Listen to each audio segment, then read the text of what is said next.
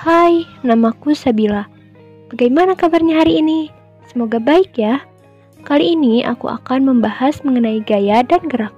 Tapi kali ini aku akan membaginya ke dalam beberapa episode.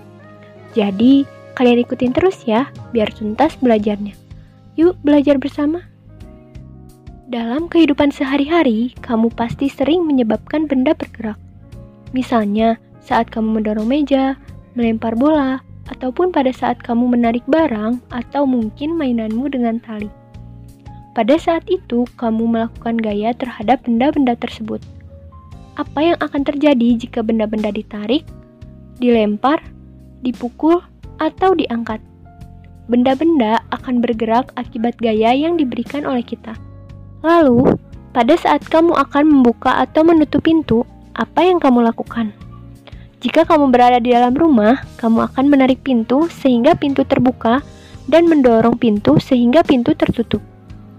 Pintu akan bergerak terbuka dan tertutup akibat tarikan dan dorongan. Jadi, apakah kalian sudah bisa menyimpulkan apa itu gaya? Ya, gaya adalah gerakan menarik atau mendorong yang menyebabkan benda bergerak. Kira-kira apa saja ya pengaruh gaya terhadap benda? Nah, nanti kita bahas ya di episode selanjutnya.